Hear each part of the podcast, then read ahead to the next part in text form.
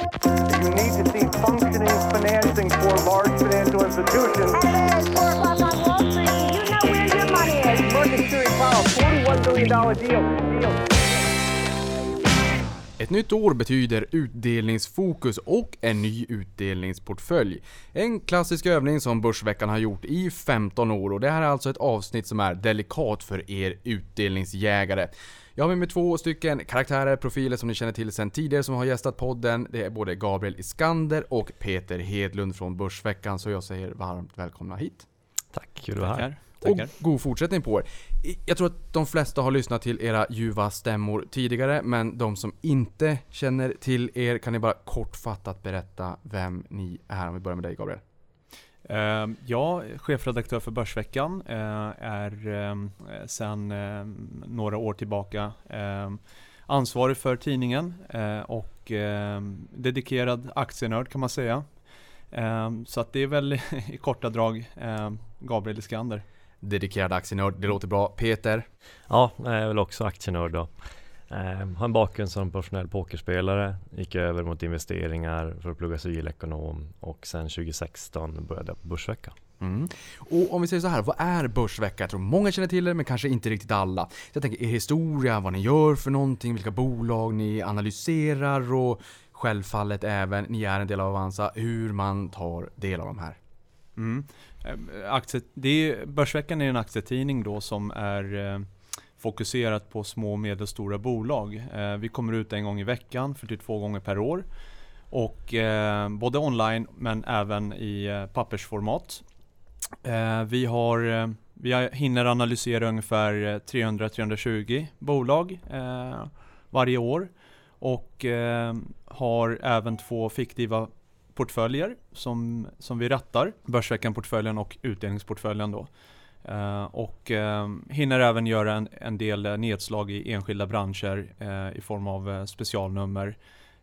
så att ja, man tecknar sig för en prenumer prenumeration och på det sättet får man del utav analyserna helt enkelt. Ni fokuserar ju mycket på småbolag. De kanske inte alltid har strålkastarljuset på sig och får liksom den genomlysning som de förtjänar. Det kanske också leder till att det går att hitta ett och annat guldkorn. Ehm, men varför och liksom hur skiljer det sig på att analysera småbolagen kontra de här lite större bolagen? Och också vad är ett småbolag? Det här är ju högst eh, definitionsfråga. I amerikanska megacaps mm, ögonmått så är väl alla svenska bolag småbolag. Mm. Ja, men, eh, det, det, är ju intressant med småbolag för att det är morgondagens vinnare oftast eh, man hittar här. Det är ju, de är underanalyserade många gånger och eh, vi, vi, vi ser att eh, det, det, är väldigt många av de här bolagen också som förtjänar en, en bättre bevakning. För att eh, det, är, det är inte bara skräpbolag på, på de mindre listorna. Det är som sagt eh, många som är på nuvarande large cap har en gång i tiden varit small caps. Och eh, vår eh, ambition är ju att lyfta fram eh, de här dolda pärlorna då. Ja. Helt enkelt. Och det är verkligen så. Det är mycket lättare att växa som ett småbolag än ett storbolag. Som ni är inne på. Och sen också värderingen är oftast lägre när inte institutioner är med i listorna och driver upp priserna. Och sen så är det ju underanalyserat. För tittar du på en resultaträkning eller en rapport på ett småbolag. Då har du kanske bara en eller två kostnadsposter. Medan i ett storbolag då kan du få flera sidor egentligen. Och noter till oändligheten. Så att eh, ja, ska man hitta liksom en, en fördel gentemot marknaden så är det nog definitivt inom småbolag. Det låter också som om man är lite nyfiken på att lära sig liksom att läsa en årsredovisning. Då kanske det är lite mindre bolag man börjar med om det bara är några, några få rader. Mm. Ehm, helt enkelt, ni får komma tillbaka vid ett senare tillfälle och berätta lite grann om hur man analyserar bolag och läser årsredovisningar. Det hade varit roligt. Men vi har dragit igång 2020 och ni är ute med första numret. Ni har väldigt mycket att göra på torsdagar när det är precis innan pressläggningen. Ni skickar iväg tidningen och den kommer då på helgen numera digitalt. Men eh, första numret, utdelningsspecial och ni har en ny utdelningsportfölj och idag tänker ni då faktiskt eh, bjuda på den här utdelningsportföljen. Eh, vad är Börsveckans utdelningsportfölj för någonting? Börsveckans utdelningsportfölj är en klassiker kan man säga. Vi har gjort det här i 15 år och eh, konceptet går ut på att eh, i inledningen av ett nytt år så eh, försöker vi vaska fram bra, stabila utdelningsbolag eh, för den som är lite mer långsiktig, för den som kanske inte har den tiden att lägga ner på börsen. Eh, så att det är grundidén egentligen. Och eh, vi har den här utdelningsportföljen som vi eh, tar fram i första numret och sen som vi så att säga utvärderar ett år efteråt. Och eh, eh under året så gör vi några så, så tittar vi lite närmare på den, eh, återinvesterar de utdelningarna vi får eh, och på det sättet så, så kan man som läsare också ta del av våra eh, idéer kring hur man ska resonera kring utdelningsaktier och utdelningsbolag överlag och vilka risker det finns, vilka möjligheter det ges och, och så vidare. Um, så att, uh, Vilka kriterier måste de här bolagen uppfylla då för att faktiskt få förtjäna en plats i utdelningsportföljen? Primärt så handlar det om att vi tar fram en lista på bolag som förväntas ha en direktavkastning på minst 4%. Eh, Eh, det är första kriteriet. Och sen så går vi vidare och tittar även på vinsttillväxten. Eh, att den ska vara positiv och att eh, utsikterna ser bra ut där på den fronten. Och vi tittar även på utdelningsförmågan. Utdelningstillväxten är en, en komponent men även hur stor del av vinsten som delas ut till aktieägarna. Vi försöker undvika bolag som har en utdelning som överstiger vinsten till exempel, för det är inte hållbart eh, långsiktigt. Då, då. Eh, så det är de kriterierna överlag och sen så gör vi alltid en subjektiv bedömning eh, från fall till fall. Eh, I vissa fall så gör vi även en del undantag från de här reglerna. Ehm, men då ska det vara motiverat av att det, det finns positiva fördelar med att ta in en viss aktie. Ehm, jag kan bara nämna lite kort Volvo som vi kommer komma tillbaka till. Som eh, i år förväntas eh, tappa en hel del på både vinsten och även ha en, en lägre utdelning för 2020 kontra 2019. Eh, men där har vi motiverat det genom att dels vill vi ha ett cykliskt inslag i portföljen men även att eh, en hel del eh, är redan inprisade i dagens kurs och värdering. Ehm, och vi tror att ledningen har möjligheter att överraska på uppsidan i just Volvos fall. Och därmed har han ändå kunnat kvala in i den här utdelningsportföljen. Men det är som sagt ett undantag.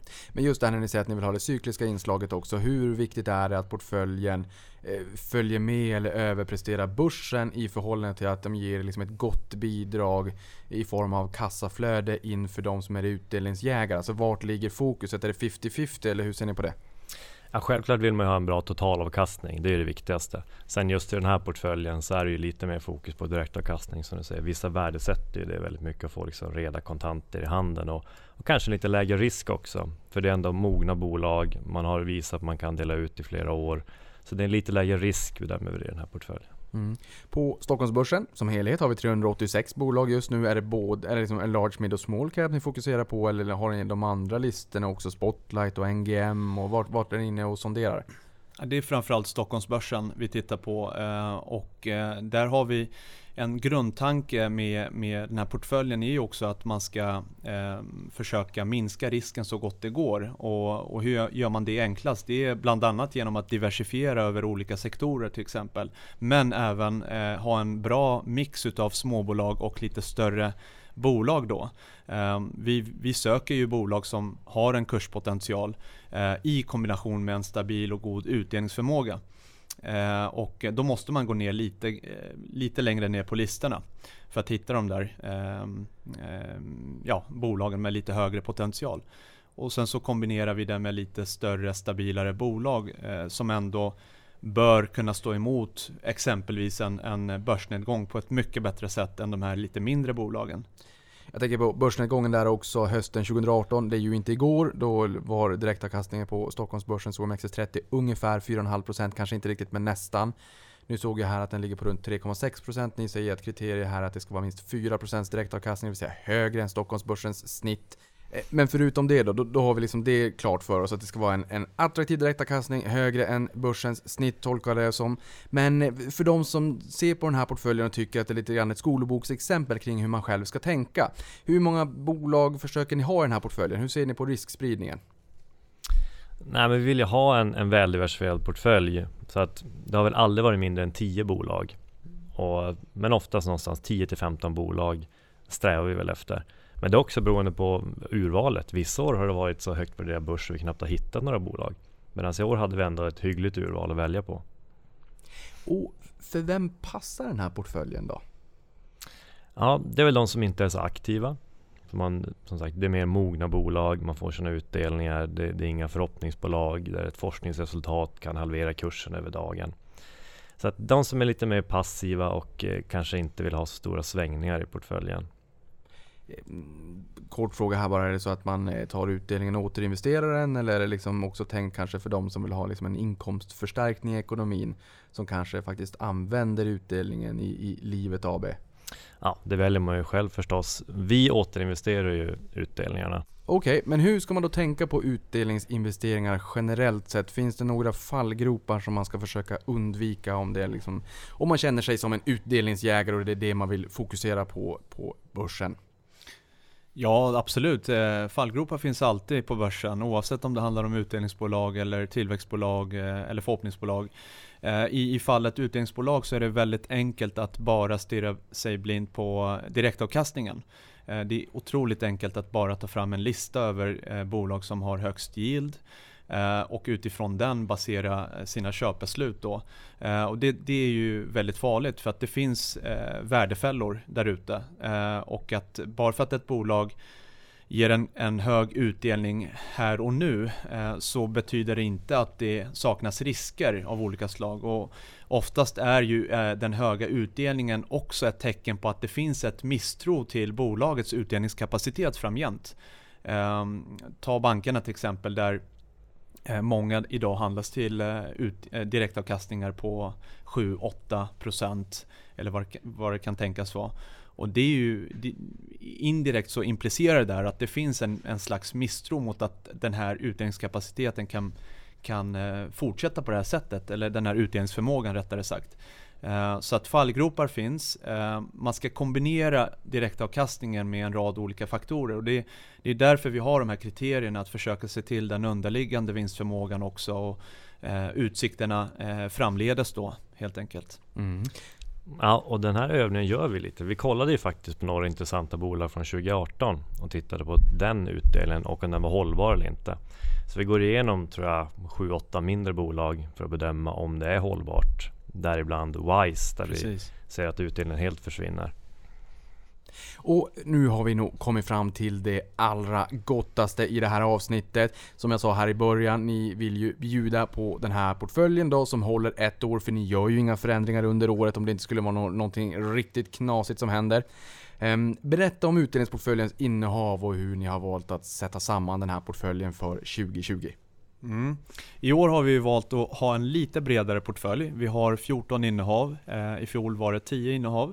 Eh, och jag tror att det handlar delvis om att eh, diversifiera sig ytterligare men, men även för att vi har hittat en rad kandidater som vi inte kunde släppa taget om riktigt. Så att det var svårt att hitta eh, enbart 10 då. Ni sa aktienördar i början va? Ja, precis. Eh, Så att vi, vi hade svårt med att bara vaska fram 10, så att det blev 14 till slut. Och, eh, Ehm, och sammansättning, om man tittar på portföljen generellt sett, så som sagt, den, den spänner ju sig över en rad olika sektorer. Vi har eh, vi har en bank med, vi har telekom, vi har ett spelbolag, eh, vi har eh, byggrelaterade bolag och så vidare. Och sen har man, om man ska använda en fotbollsmetafor då, så är det ju en del anfallare, offensiva spelare, men även en del stabila försvarare. Eh, och eh, man får betrakta Telia till exempel som en, eh, som en stabil spelare här i portföljen. Kan, kanske även SEB då, som kvalar in där. Och så har vi några offensiva pjäser i form av Byggmax och Jetback och så vidare. Och sen kan det också vara, rent ur läsarsynpunkt så är det ju bra med en bredare portfölj. För det ger ju mer inspiration. Man behöver inte kopiera portföljen rakt av utan man ska ju ta till sig det här som inspiration. Själv tänka en vända extra, vilka de här bolagen tycker jag verkar bra. Och därefter fatta sina, beslut. Mm. Eh, kort bara innan vi går in på varje enskilt innehav. Jag vill ha en, en liten kommentar eller några meningar om varje bolag. Eh, men vi såg ju Riksbanken höja räntan den 20 december 2018, 19 december 2019. Så nu är vi tillbaka på noll. Vi var på minus 0,50 tillbaka på noll. Eh, Från att le- ha levt i negativt territorium på mellan då, eh, 2015 och 2019. Nu eh, tänker man sig väl kanske att eh, den här låga räntan kommer bestå några år framåt, 2022, 2023. hur ser ni på en utdelningsportfölj och utdelningsinvestering i det här klimatet när vi är på den här ultralåga nivån, även fast det inte är minus, som förväntas bestå några år eh, framåt? Hur ska man tänka? Ja, aktier är ju aldrig ett substitut mot räntesparande. Man måste ändå komma ihåg det. Det, det här stöter ju på mycket när folk köper preferensaktier. Man placerar krigskassan där till exempel. Man måste ändå vara medveten om att det är en högre risk i de instrumenten. Så att ja, det här med direktavkastning tycker jag ändå man ska ta in i perspektivet som totalavkastning. Och det är just det här, vill man ha sina utdelningar för att återinvestera dem men även om man inte delar ut pengar från bolagets sida så återinvesterar i bolaget och då kanske man får en högre vinst och en högre kursuppgång och mer potential att dela ut pengar i framtiden.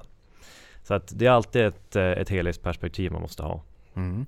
Om vi kastar oss rakt in i portföljen. Första bolaget som har äntrat de här 14 bolagen som ni pratade om är Björn Borg. Björn Borg.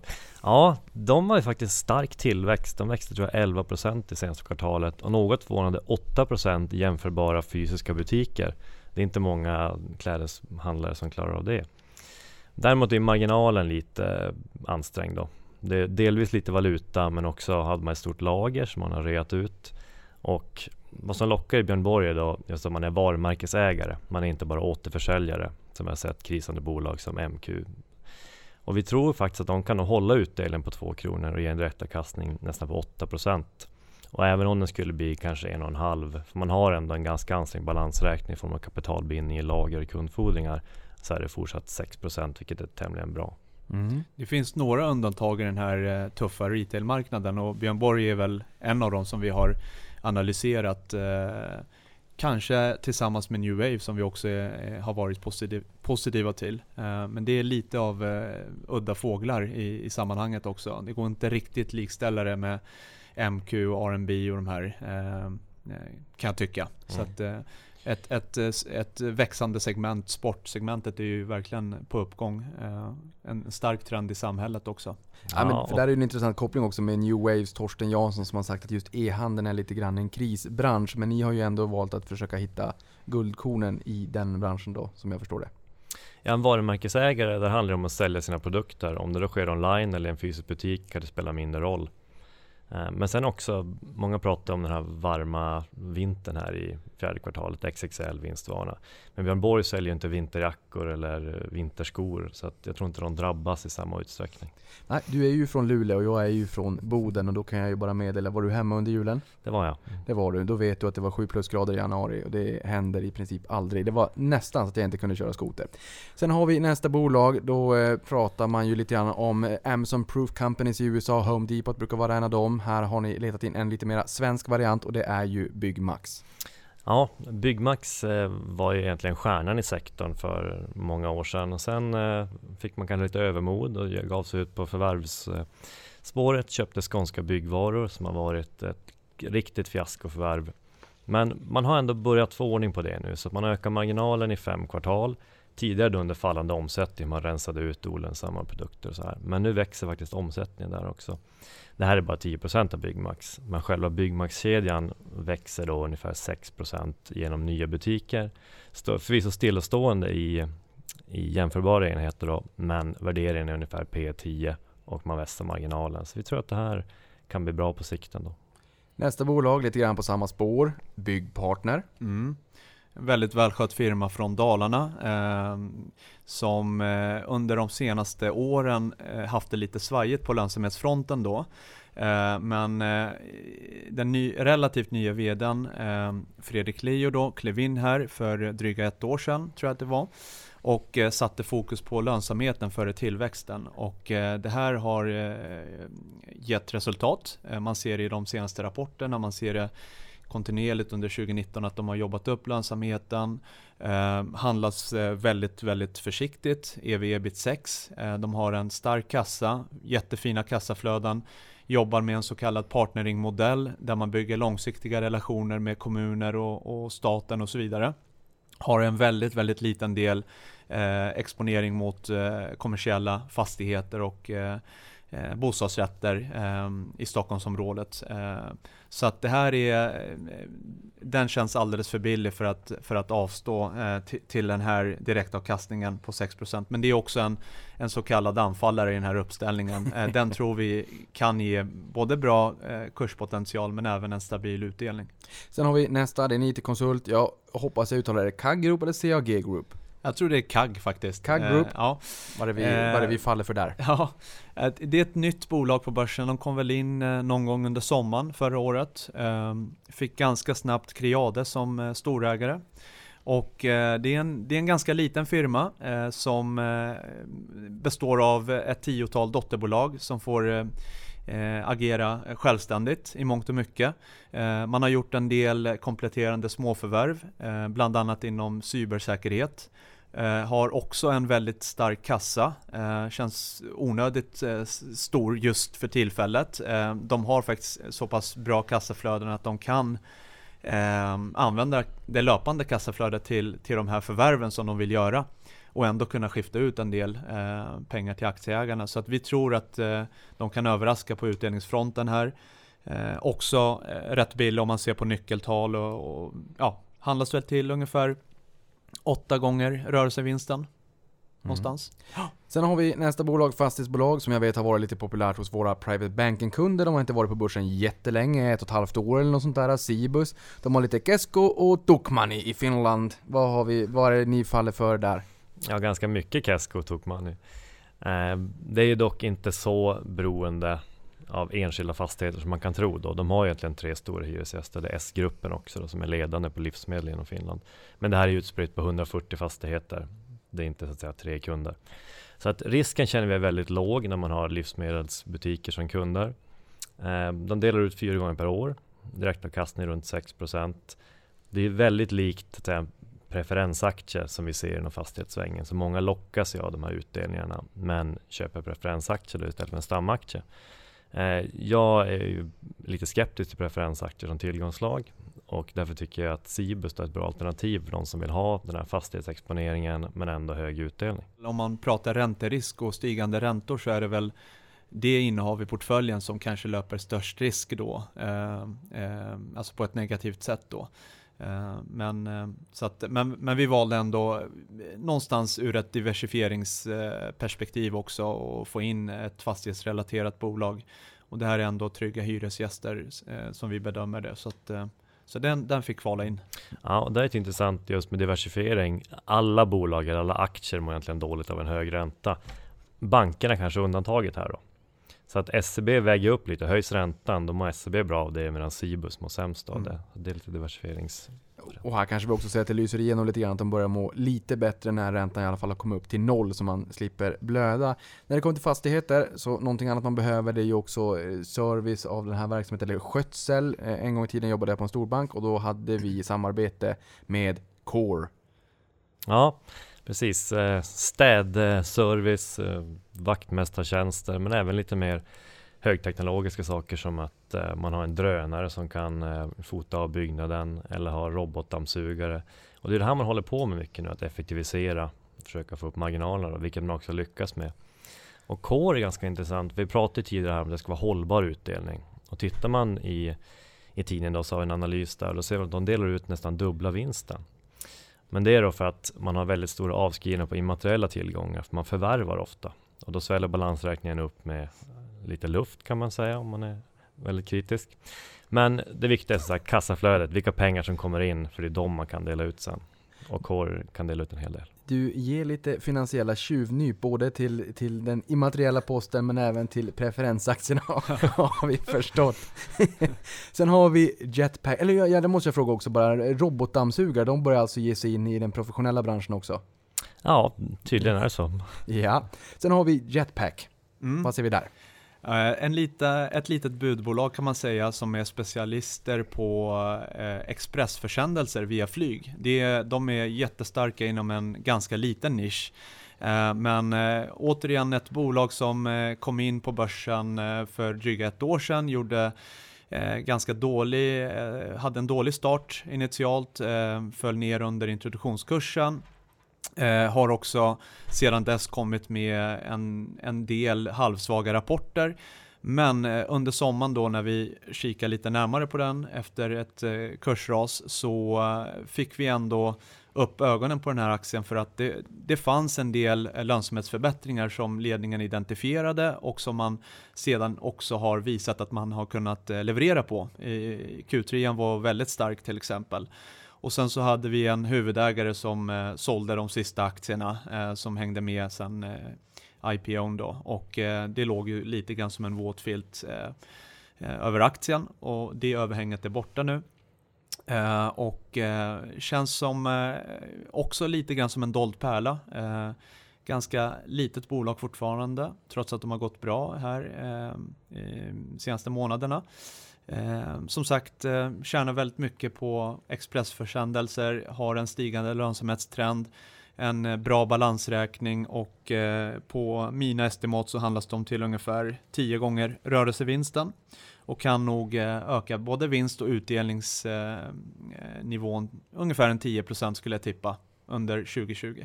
På tal om den där våta filten, så någonting annat som har varit en våt filt är ju Brexit. Vi hade det i juni 2016, nu är vi inne i 2020.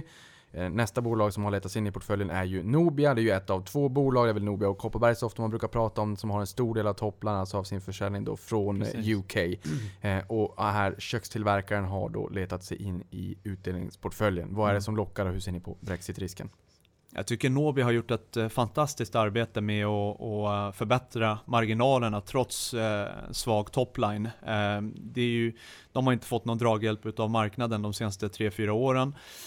De har avyttrat en del olönsamma enheter ute i kontinenten, i Frankrike och så vidare, konsoliderat verksamheten till UK och Norden där de har väldigt, väldigt starka marknadspositioner. som sagt, Brexit var ju, var ju ett orosmoment för dem. Men eh, Mårten Falkenberg har gjort ett bra arbete där och eh, jag tror att eh, eh Brexitrisken är, är, är, lite för, för eh, överdriven eh, just nu faktiskt. Och eh, här får man ändå ett bolag som, som eh, kan växa vinsten ungefär en, en 15-20% för ungefär 12 gånger vinsten. och samtidigt så får man en yield på uppåt 6%.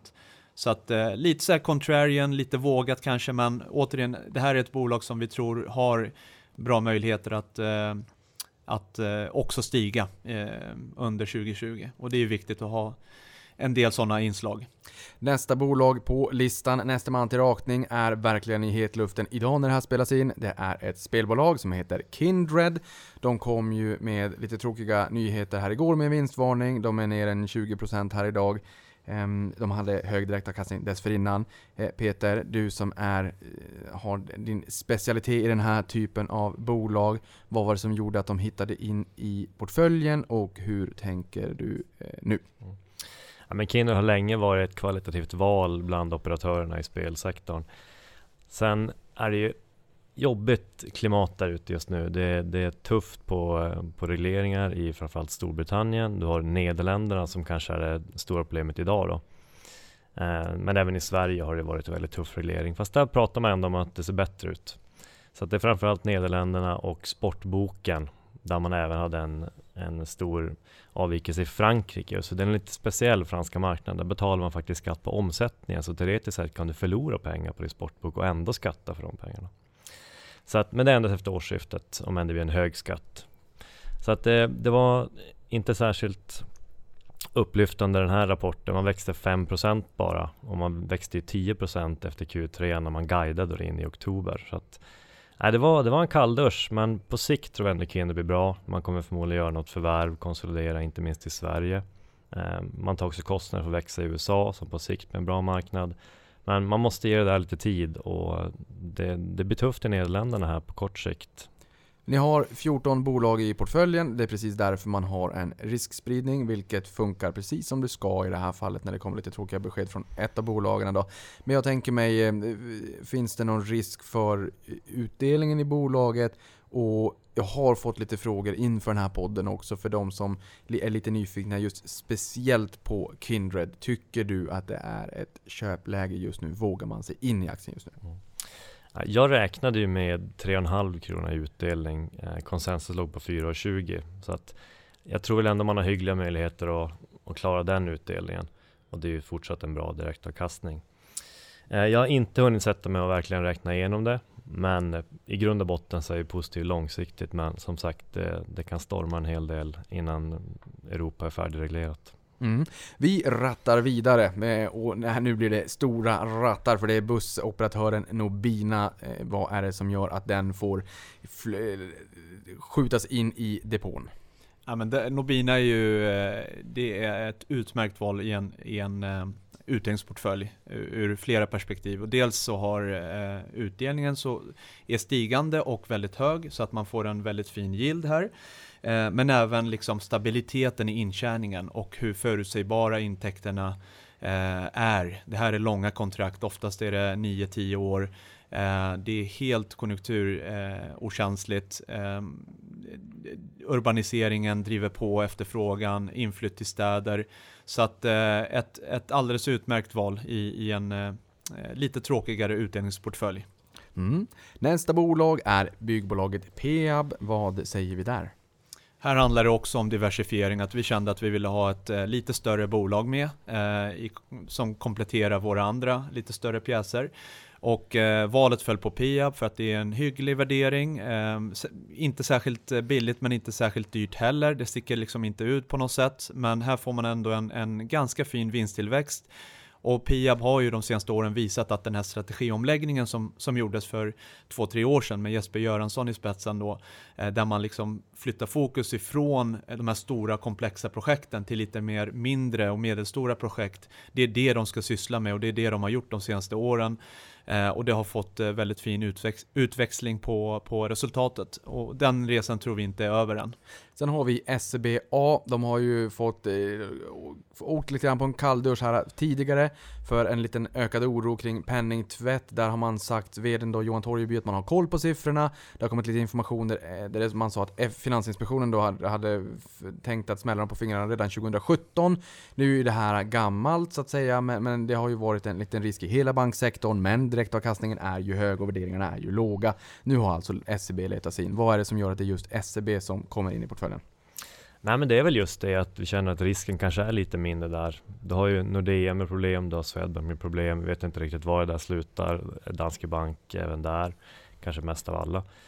Sen SEB känns ändå välskött. Eh, någon bank måste man ju ha och ja, Swedbank eller SEB har högst yield också. Så att det är inte det ett dåligt argument. Högst yield. Här gjorde vi analysen ganska kort och det är ju egentligen att eh, eh som sagt eh, en bank kvalar in i utdelningsportföljen. Dels diversifieringssynpunkt men även liksom man vill ha någon form av exponering mot den här stigande, eventuellt stigande ränteutvecklingen då och bank är ju ett utmärkt val där.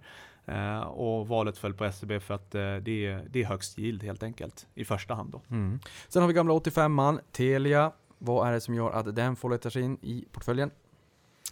Ja, det är väl egentligen eh, just de defensiva egenskaperna här.